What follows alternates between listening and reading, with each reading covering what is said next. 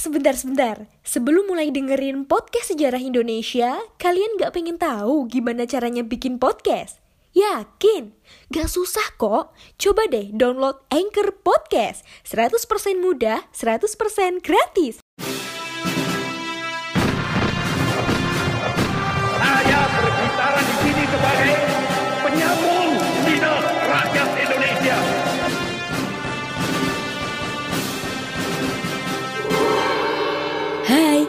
Kalian sedang mendengarkan Poseidon, podcast sejarah Indonesia.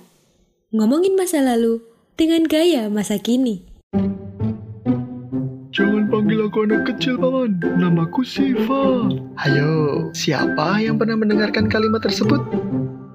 Yap, salah satu karya masyarakat Vrindavan ini menjadi tontonan anak-anak di Indonesia yang disiarkan salah satu stasiun televisi kita. Mungkin ada yang berpikiran bahwa animasi tersebut aneh, karena sepeda aja bisa terbang ya kan? Namun, bagi yang tahu dan pernah membaca sejarah Asia Selatan, kamu akan lebih heran lagi karena jauh sebelum corona menyerang, ada pemukiman perkotaan yang diduga paling tua di dunia. Nah, benarkah demikian? Saya Mirza, ayo kita bahas. Tahukah kalian, benua Asia memiliki peradaban kuno yang sangat keren. Salah satu yang terpopuler ada di lembah Sungai Indus. Sungai Sindu atau lebih dikenal dengan nama Sungai Indus adalah nama salah satu sungai yang besar di India. Sungai ini terletak di antara India Barat dan Pakistan. Nah, sebelum menginjak sejarah agama yang berkitab suci, di wilayah ini pernah ada dua peradaban maju loh, yaitu Mohenjo-daro dan Harappa. Peradaban tersebut terbentuk atas berkah dan anugerah dari Sungai Indus yang menyuburkan daerah sekitarnya. Karena tidak hanya menyediakan air minum dan air mandi bagi masyarakat Mohenjo-daro saja, tetapi juga menyuburkan tanah-tanah yang berada di sekitarnya.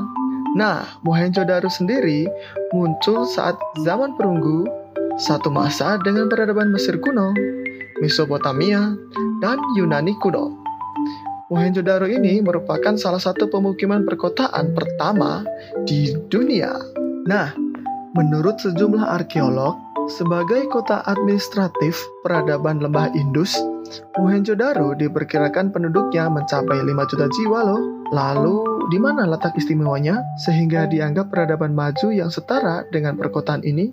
Kita mulai dari struktur bangunannya yang ada di Mohenjo-daro saja terdiri dari batu bata, lumpur, dan kayu berjemur matahari yang ukurannya hampir rata seluruhnya. Apa cuma itu? Tentu aja enggak dong. Tata letak bangunannya pun sangat istimewa dan terencana, serta berbasis grid jalanan yang tersusun dengan pola yang sempurna.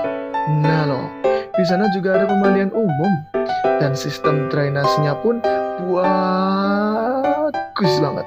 Air buangannya disalurkan ke selokan tertutup yang memanjang sepanjang jalan utama. Sebagai kota pertanian, Mohenjo-daro bercirikan sumur besar dan pasar pusat. Kota ini pun terdapat bangunan yang memiliki hypocaust yang kemungkinan digunakan untuk pemanasan air mandi. Jadi kalau misalkan kedinginan tuh pakai teknik ini atau pakai teknologi ini semuanya selesai. Jadi jangan anggap kalau masyarakat Vrindavan itu ya you know lah. Enggak kok, karena faktanya keren.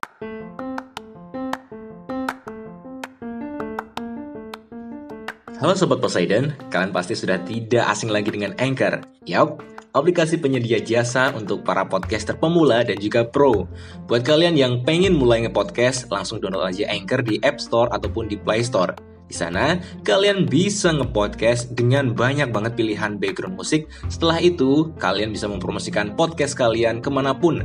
Secara otomatis, nanti akan di-sharekan oleh Anchor sendiri. So, tunggu apa lagi?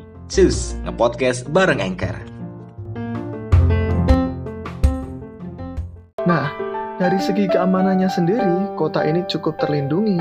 Meskipun tidak ada tembok yang mengelilingi, tetapi terdapat menara di sebelah barat pemukiman utama dan benteng pertahanan di sebelah selatan dan masih banyak lagi keistimewaannya. Nah, kita kan nggak mungkin bahas satu persatu meskipun bisa, tapi podcast ini akan sangat lama dan memakan banyak waktu.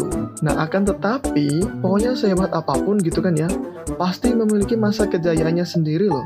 Begitu pula Mohenjo-Daro. Peradaban ini diperkirakan berakhir karena sering adanya banjir dari luapan sungai Indus. Karena fakta menunjukkan bahwa setiap kali kota ini musnah, akan dibangun kembali di tempat yang sama. Tidaknya pernah dibangun kembali sebanyak tujuh kali. Nah, jadi apa yang kita dapatkan dari sejarah Mohenjo-Daro? Tentu saja salah satunya adalah pelajaran yang dapat kita ambil ternyata di masa yang kita anggap primitif gitu kan ya menghasilkan sebuah peradaban yang luar biasa canggih. Makanya jangan pernah meremehkan suatu daerah dalam suatu masa jangan pernah sara, jangan pernah kita itu menjelek-jelekan, menganggap bahwa kita itu lebih baik gitu kan ya. So, dari Mohenjo-Daro ini, yuk kita belajar agar kehidupan kita yang sekarang lebih baik lagi. Makanya, jangan pernah berhenti belajar agar masa depan yang kita inginkan bukan hanya angan dan mitos saja, tapi benar-benar kita ciptakan untuk kita bisa beregenerasi agar kita bisa lebih baik lagi. Karena ilmu itu membuat kita bijak. Nah, sekian mungkin dari saya. Salam sejarah, salam lestari. Saya Mirza, terima kasih. Terima kasih.